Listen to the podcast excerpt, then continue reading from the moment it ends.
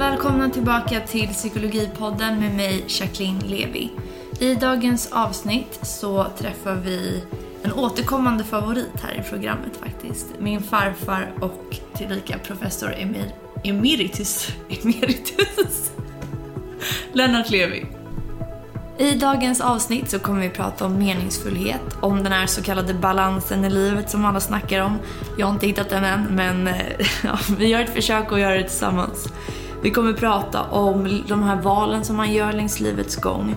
Ja, men kort och gott hur vi kan skapa meningsfulla liv och vilken typ av mål man ska sätta upp, både kortsiktigt och långsiktigt, för att kunna uppnå just detta. Så om det här är saker som du också tänker på, häng kvar så tar vi oss an de här stora frågorna tillsammans. Old men should know before they die what they are running to and from and why. Och det har jag översatt lite fritt till svenska. Innan du dör, du veta bör vart hän du strävar och varför. Välkommen farfar. Tack så mycket, tack, tack Jackie. Hur känns det att vara tillbaka? Det känns bra. Jag älskar dig och tycker om att prata med dig. ja, det är vi tacksamma för. Um, jo, men vi har ju pratat mycket förut, dels om stress och utmattning. Men för de som inte har träffat dig förut, kan du inte berätta lite om vem du är och vad du har sysslat med? Ja, jag började med rehabilitering faktiskt. Multimodal rehabilitering av människor som hade många samtidiga handikapp. Och det visade sig då att om man beaktade inte bara vad de inte kunde utan också vad de kunde. Då kunde man återföra dem till arbetslivet i ungefär 75 procent av fallen istället för att förtidspensionera dem. Det var mitt första jobb. Och sen började jag läsa medicin och sen intresserade jag mig mer och mer för sambandet mellan vår sociala miljö, det som hände i hjärnan, alltså psykologi, och det, hur det återverkade på resten av kroppen. Alltså stress och psykosomatisk medicin. Och sen kom då nästa fråga, att inte bara beskriva det utan också försöka göra något bättre. Och det gjorde jag dels i, som akademisk lärare och forskare, dels genom att delta i internationellt arbete genom Världshälsoorganisationen och eh, internationella arbetsorganisationen och EU. Men också som ledamot av Sveriges riksdag. Du har hunnit med ganska många saker helt enkelt. Ja, jag har haft 88 år på mig, då hinner man med. Ja, precis. För jag tänker att alltså, du är ju 88 år och eh, ja, men du besitter så otroligt mycket både erfarenhet och livserfarenhet och kunskap. Och det är därför jag tycker om att ha med dig här i podden för att det känns som att vi står i, inte i varsitt ända av livet, men vi har ju väldigt olika mycket erfarenhet. Det är klart att man hinner med mera på 88 år om man använder dem rätt än man rimligen kan hinna med på en tredjedel av det. Mm. Och jag själv befinner mig ju i liksom ung vuxenåldern som är en ålder som präglas väldigt mycket av att man står inför olika typer av val.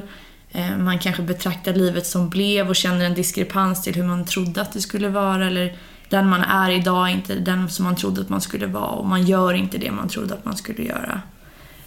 Men det känns som att det som har präglat ditt liv, och jag vet att det fortfarande gör det, det är meningsfullhet i det som du sysslar med. Ja, det, det, kan man nog säga. Att jag, jag har försökt göra mina val.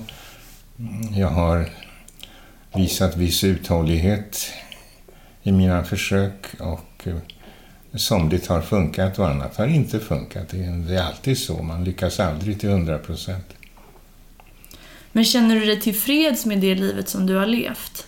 Ja, det gör jag. Som du frågar mig om jag vill bli ung på nytt är svaret nej. Jag har haft mitt liv i mina 88 år. Kanske har jag några kvar, det vet jag inte. Det vet man aldrig. Och eh, på det hela taget eh, är jag nöjd. Jag hade velat åstadkomma lite mera, men man gör så gott man kan. Det är som ett stafettlopp. Man eh, får stafetten av en äldre kollega och så springer man så länge man orkar och sen lämnar man över till nästa generation och det är det jag håller på just nu.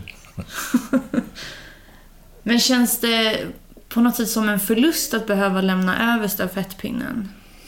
Nej, alltså det... Hade livet varit oändligt hade det varit meningslöst. Det är ju ändligheten som ger det dess mening. Det är inte automatiskt så, men det är en av förutsättningarna. Om vi hade haft tusen år på oss, en miljon år på oss, en miljard år, då skulle ju inga val spela någon roll. Då kunde man ju alltid rätta till det i ett senare skede. Det hade inte spelat någon roll. Men nu spelar det roll, eftersom jag inte vet hur lång tid vår stund på jorden är. Mm. Ja, och givet de förutsättningarna som vi alla lever efter, som är de du precis beskrev, då känns det på något sätt extra viktigt att göra någonting meningsfullt av sitt liv och att hitta sin väg i livet. Men, alltså det här är en jättestor fråga, men hur tänker du kring vad som är ett meningsfullt och gott liv? Jag tänker lite på en anekdot från Kina. En kinesisk patient frågar sin doktor Hen vet att eh, det är illa ställt med hälsan. Doktorn ungefär hur lång tid har jag kvar? Och läkaren svarar, jag är inte gudfader, jag kan inte svara på det. Och då säger hen, ja men eh, försök en gissning dock, en informerad gissning. Och då säger doktorn, och ja, mellan tummen och pekfingret kanske 18 månader, ett och ett halvt år. Varpå patienten säger så länge. Och, patient, och doktorn studsar inför svaret och säger ni hörde tydligen inte vad jag sa. Ett och ett halvt år. Och då säger patienten ett och ett halvt år rätt använt är en lång tid. För det man inte hinner på ett och ett halvt år rätt använt, det hinner man inte på 18 år eller på en livstid. Saken är att använda tiden rätt. Och vad som är rätt, det vet ingen utom man själv. Men om man inte vet det då? jo, men då får man göra som en eh,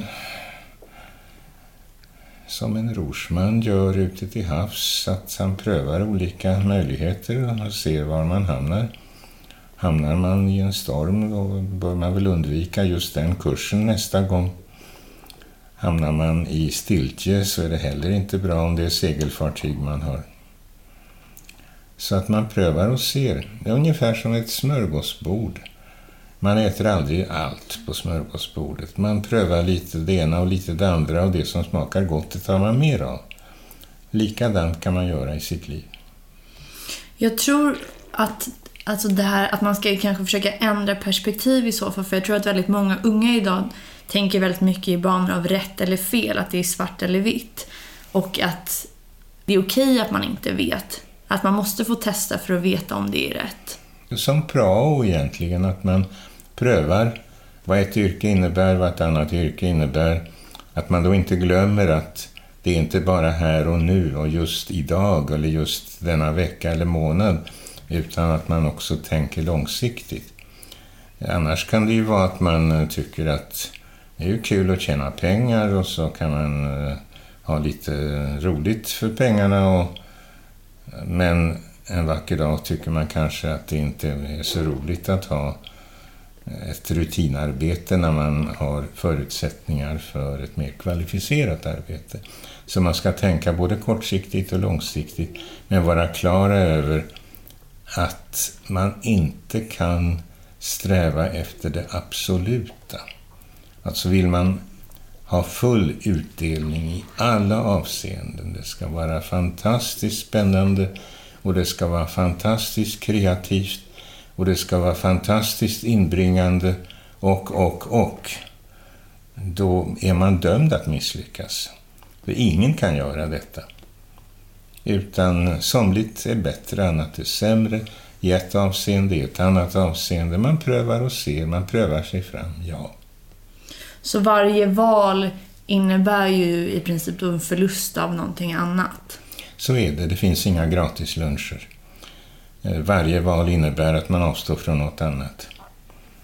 Om man eh, satsar på karriären till 100 procent så blir man inte någon särskilt bra mamma eller pappa.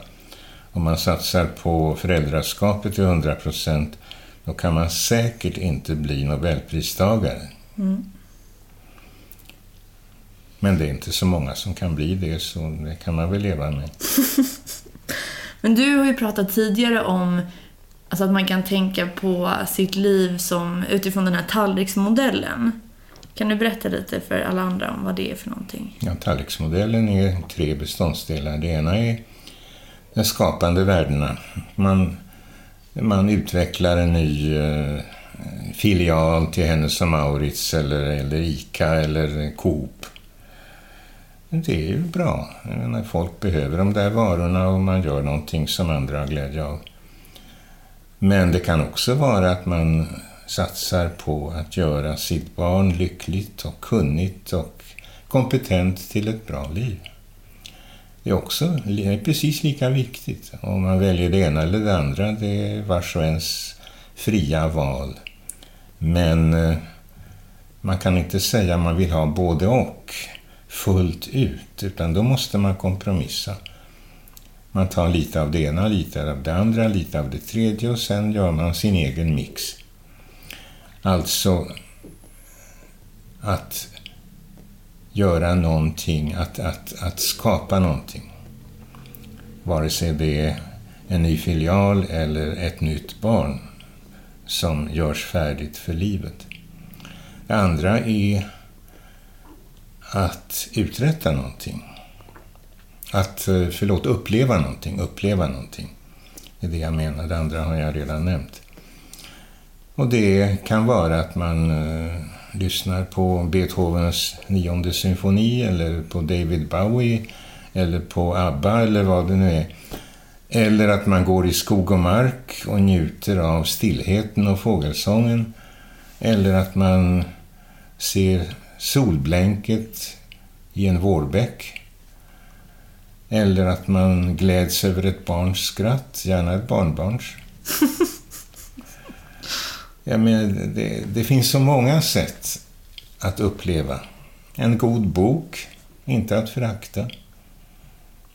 En, ett poem som antingen eh, någon annan har skrivit, Shakespeare eller Goethe eller Schiller. Eller något man har gjort själv. Och det tredje är att leka. Allt som man gör inte för att man är betald för det utan för att det är roligt att göra det. Som jag sa, att leka med ett barnbarn. Att ha en liten hund. Jag har haft en sån som heter Morris, jag älskade honom. Att eh, läsa en god bok, Schiller, Goethe, Hjalmar Gullberg, Karin Boye.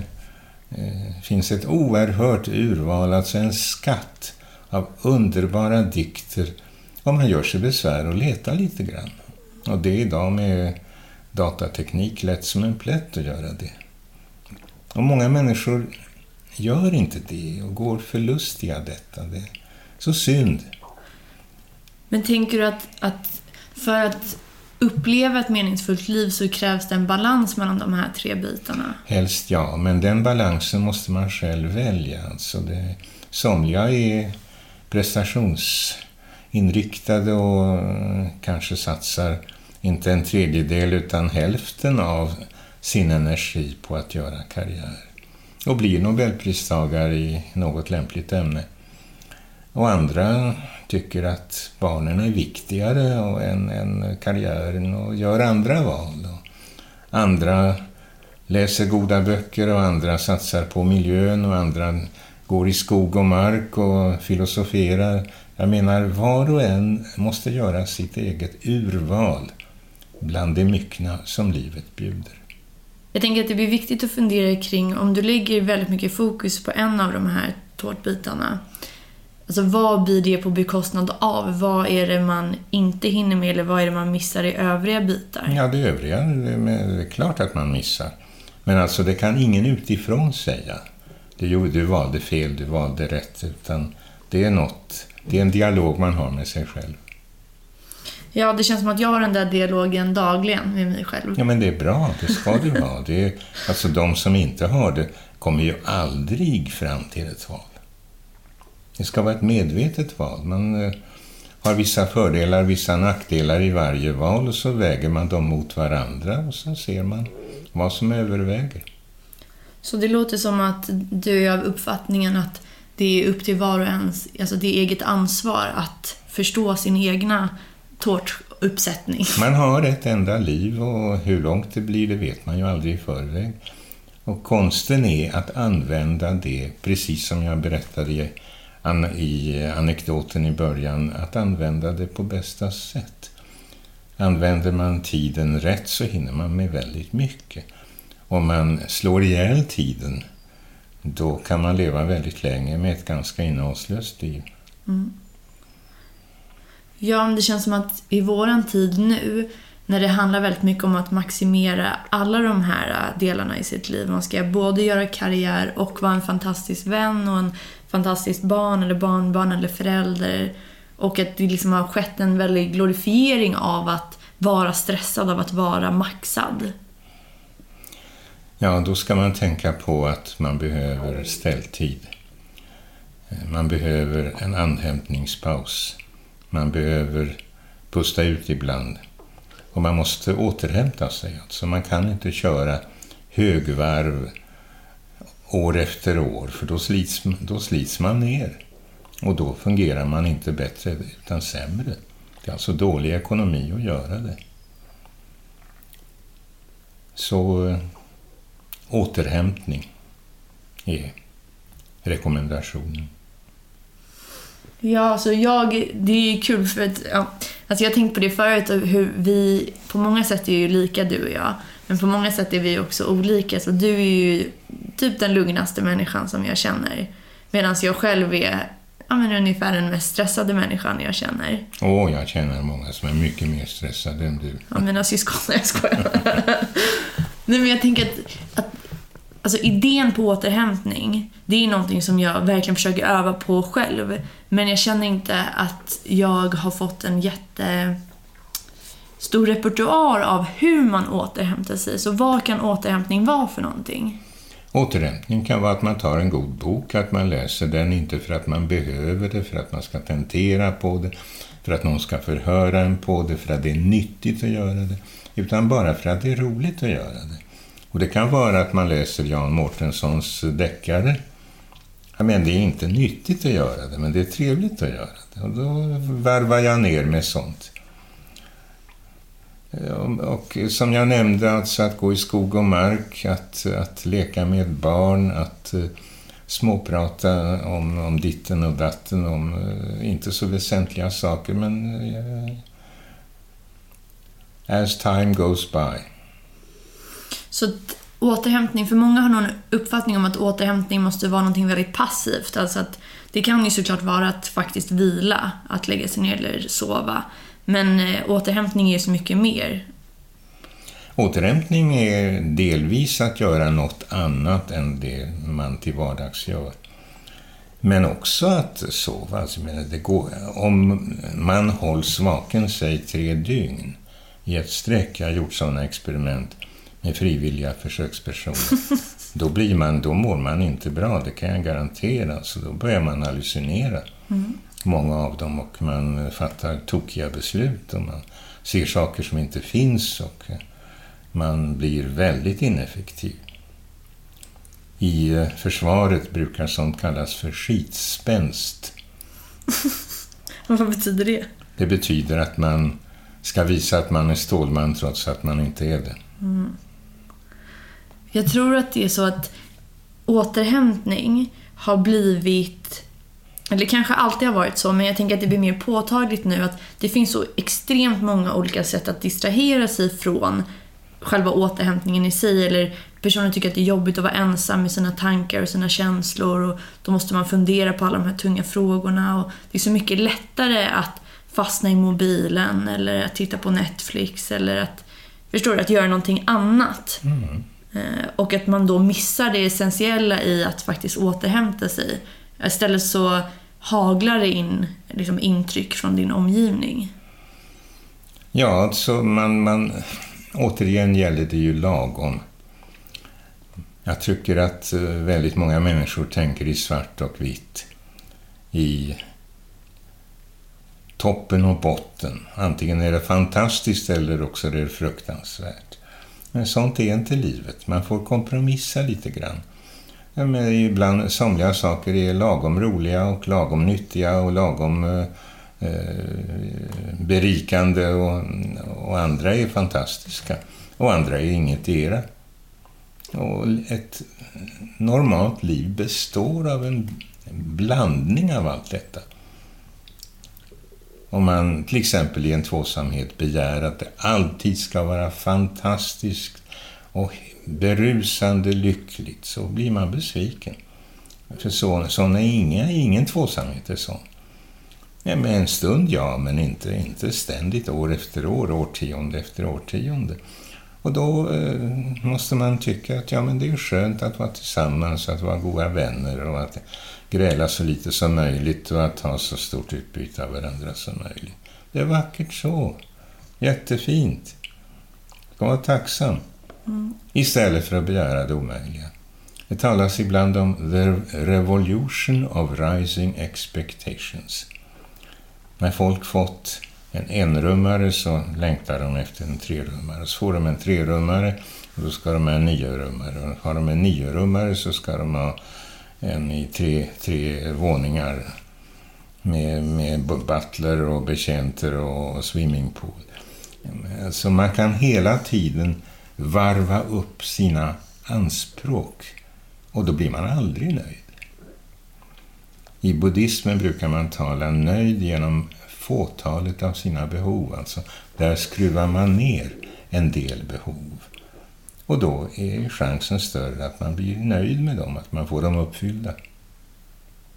Jo, men det känns som att alltså, det här som du säger, att, att förväntningarna höjs hela tiden och att man då aldrig blir nöjd. Att det på något sätt är ganska talande för hur vår omgivning ser ut just nu. Men att man blir inte lycklig, även om man har en trerummare eller en femrummare eller en, vad det nu än är. De här yttre attributen, att det är någonting på insidan som behöver fyllas. Alltså att meningsfullheten inte ligger i, ja, men i de här sakerna. Nej, meningsfullheten ligger i att uppleva någonting som man tycker är värt att uppleva, att prestera någonting som man tycker är värt att prestera och att hjälpa andra människor. Att man sätter spår så att man lämnar världen i ett lite bättre skick än man tog emot det i. Det där tycker jag är väldigt eh, intressant, för jag pratade med min kompis om det här om dagen att hon menade på att eh, man på något sätt måste ta hand om sig själv i första hand och lära sig att sätta gränser mot andra och eh, jag menar att man måste ta hand om sig själv. Medan jag mer tänkte att ja, men, är meningen med livet verkligen att jag ska maximera min egna välmående, mitt egna, liksom min egna, men att lyckas eller vad man nu vill kalla det. Eller är meningen med livet att liksom finnas där för andra, att stärka andra, att se andra människor? Alltså jag tycker att det är en svår balans mellan handlar det om mig eller handlar det om andra? Det handlar också om dig. Alltså det är givet att om du mår jätteilla så är det inte till stor hjälp för andra. Men om du eh, säger att okej, okay, alltså du sätter inte dig själv i absolut främsta hand utan du är till för dina vänner, din familj, medmänsklighet är ett bra ord Stressbegreppets upphovsman heter Hans Selje. Han var född i Ungern, han var utbildad i Prag. Han flyttade ganska tidigt till Montreal i Kanada. Han skapade alltså stressbegreppet och var en stor stjärna medan han levde. Han eh, sa att kristendomens bud att man ska älska sin nästa så som sig själv är att begära för mycket. Det strider mot biologin, för då är risken faktiskt att man går under. Men han sa att det finns ett bra alternativ och det lyder Gör dig förtjänt av din nästas kärlek. Då är jag bussig mot dig och du är bussig tillbaka och då är det en win-win situation. Båda vinner på det. Mm. Jag funderar då parallellt på att Sverige just nu är ju ett av världens mest ensamma länder. Och vi ser ju också att den psykiska ohälsan har stigit och fortsätter att stiga väldigt mycket. Vi funderar kring det här med, som du säger, man ska medmänsklighet. Att det på något sätt har gått förlorat. För man pratar ju mycket om psykisk ohälsa som att man måste våga berätta att man mår dåligt, man måste ta ansvar för sitt egna mående. Och att det har varit mycket av stigmatiseringen att man inte har vågat göra det. Men nu på senare dagar så har jag... Senare dagar? Nu när jag snart blir luttrad, 27-åring. Nej men... På senare tiden så har jag funderat kring om det inte är det som är problemet. Utan att problemet är istället att det inte finns någon där som lyssnar. Det finns ingen som liksom tar sig tiden och tar sig det ansvaret att se andra människor, alltså verkligen se dem. Och att det på något sätt bidrar till ja, men den här uh, jakten på... Jag vet inte hur jag ska förklara. Jag förstår vad du menar. Mm. Jakten på framgång, jakten på eh, att, man, att man belönas med likar. Man blir likad av fasligt många människor. Ja, eh, det är klart att det är trevligt att bli likad, men eh, om man kan göra någonting viktigt för en enda människa och kanske rädda den människans liv eller ändra den människans livsinriktning i positiv riktning. Ja, har man gjort något stort. Mm.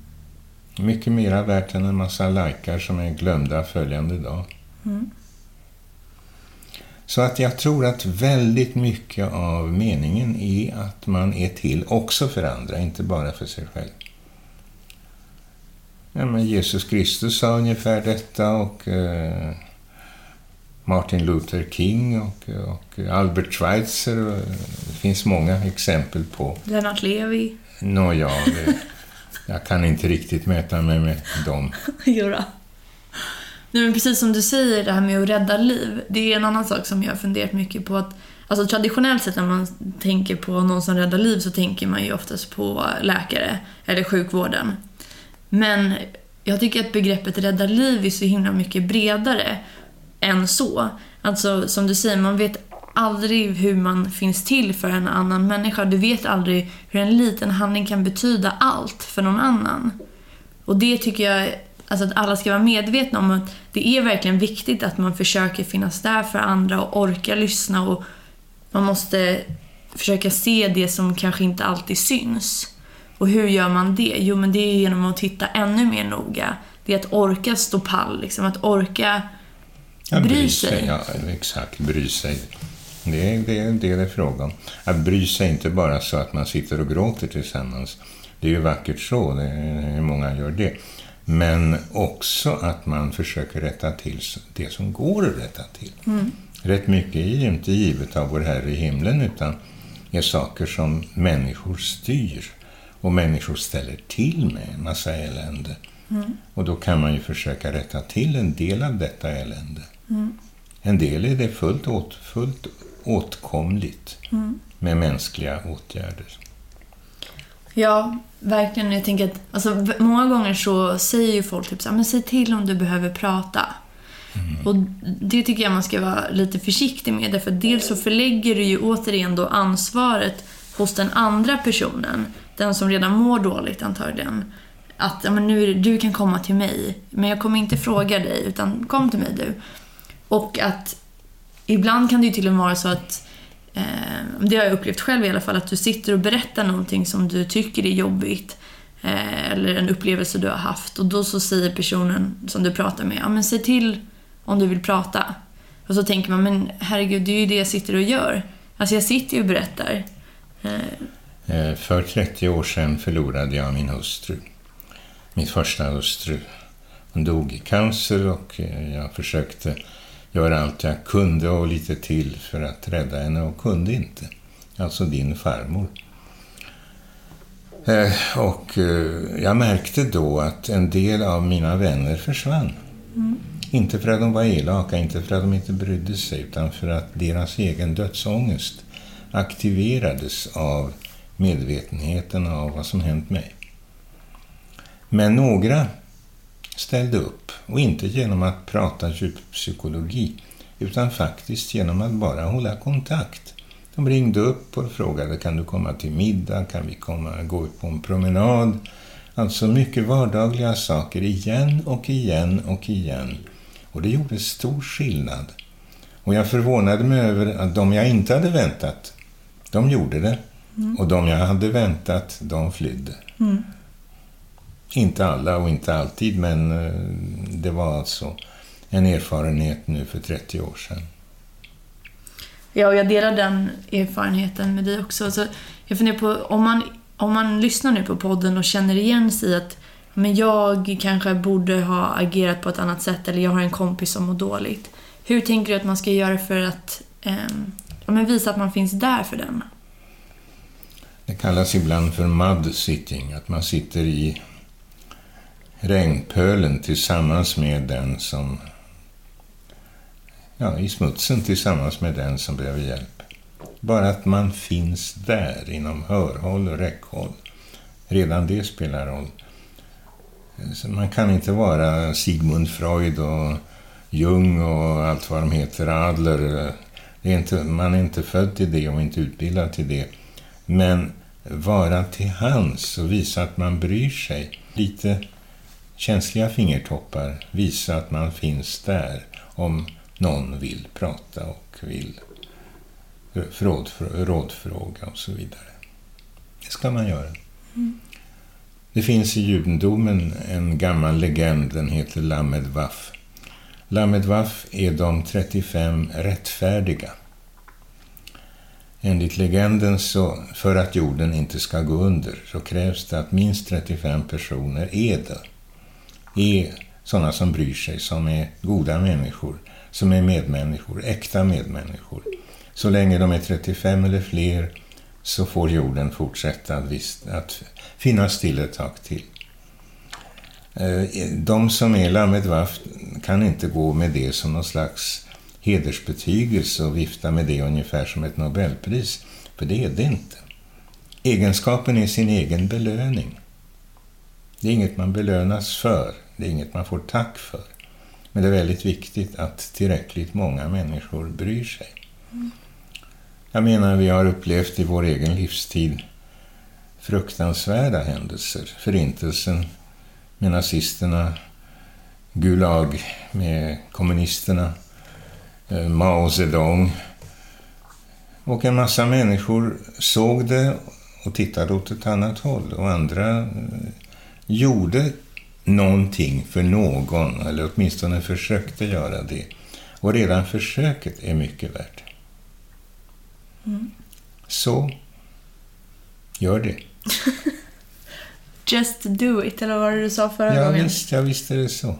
Du hade ju ett jättebra begrepp för de som inte har hört det avsnittet om non-annanism.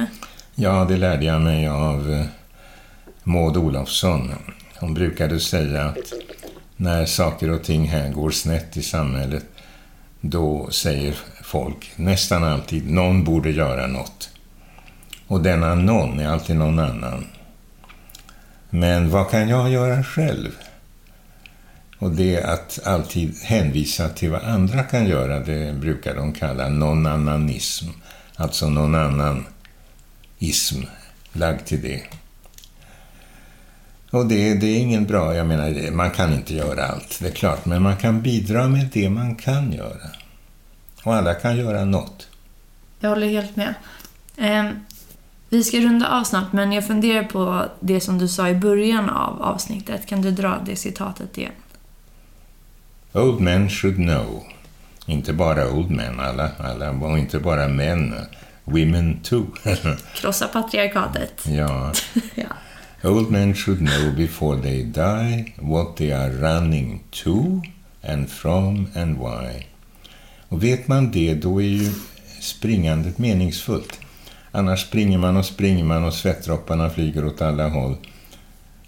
Man måste ju ha någon slags mål. Man måste inte. Man kan resonera också som Karin Boye. Väl finns det mål och mening i vår färd, men det är vägen som gör mödan värd.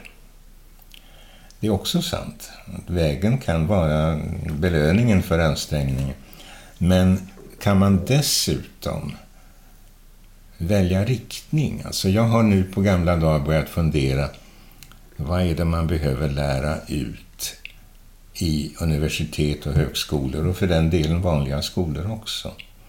Ja, det är egentligen tre saker. Det är att tänka kritiskt så man inte går på önskesanningar eller på fake news.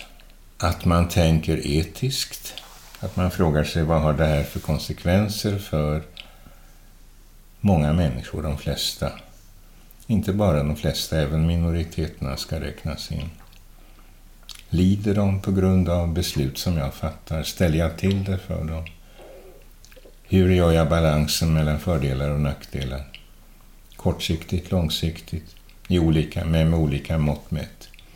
Och det tredje är systemtänkande. När människan var stenåld, levde i stenåldern och gick omkring i urskogarna och det kom en flock vargar, då gällde det att reagera snabbt. Hjärnan, Järnverken signalerade till järnstammen, höja larmberedskapen, gör det redo för kamp eller flykt. Besluten var snabba. Det var inga övervägda beslut man fattade. Men det var i den miljön, och den miljön är inte längre aktuell, men vi har fortfarande samma konstruktion som gör att vi tänker så.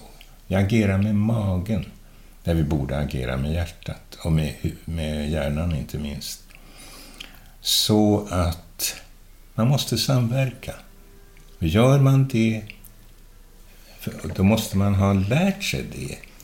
Och det borde man lära ut i utbildningen, inte minst i den högre utbildningen. Att tänka kritiskt, att tänka etiskt och att tänka i system. Och det försöker jag nu åstadkomma tillsammans med Bo Rothstein som är professor. Arbetat i fyra år i den riktningen. Och den 17 november i Karolinska institutets Aula Medica så kommer det vara ett stort möte om det. Och jag försöker få ihop 1000 studenter till det mötet. Om det lyckas är en annan fråga. Vi kan rekrytera folk här som lyssnar, om Ja, man skulle vilja komma. Den 17 november klockan nio på morgonen. Måste man föranmäla sig? Ja, det är inte ur vägen och då gör man det till den som organiserar mötet. Det är inte jag.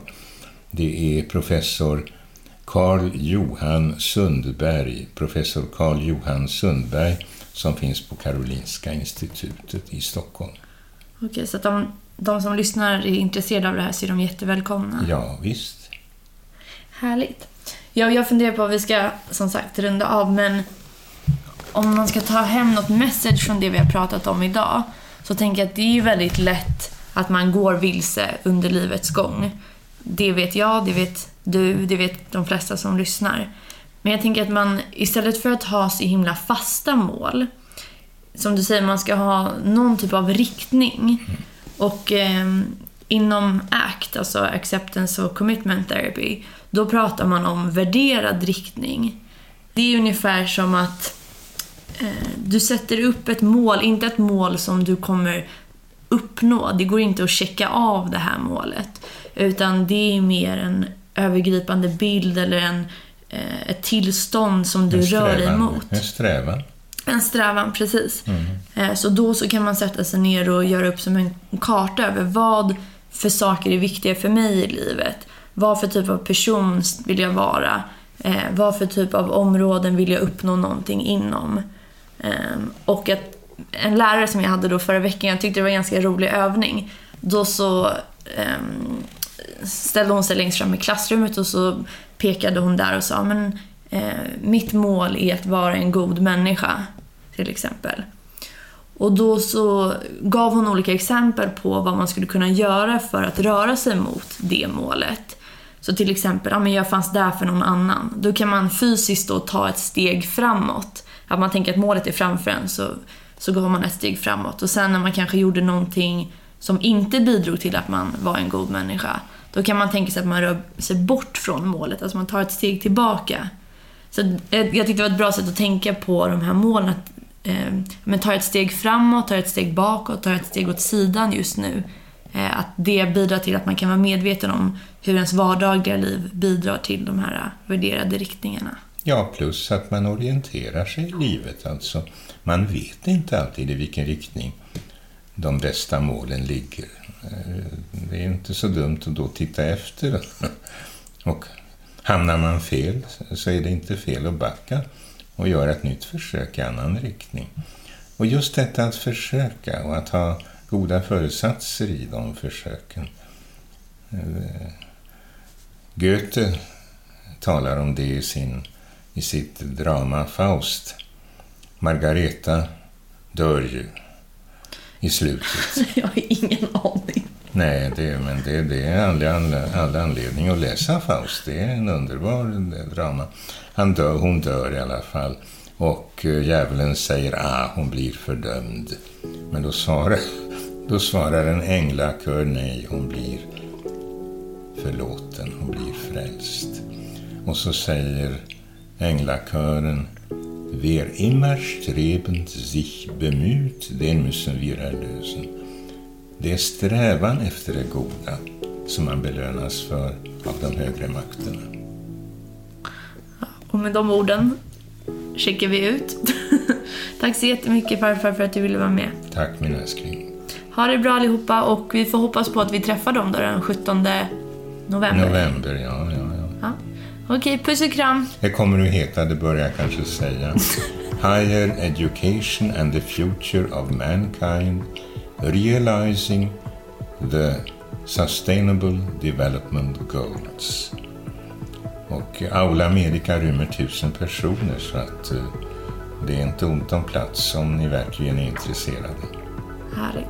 Så om man vill tillföra lite mening till sitt liv? Ja, så kan man komma och lyssna. Mm och kanske deltar i ett tag. Mm. Idén är just att studenterna ska vara med i hela eh, aktivt, inte bara som passiva åhörare. Okej, då hoppas vi på att ses där då helt enkelt. Ja. Okej, puss och kram.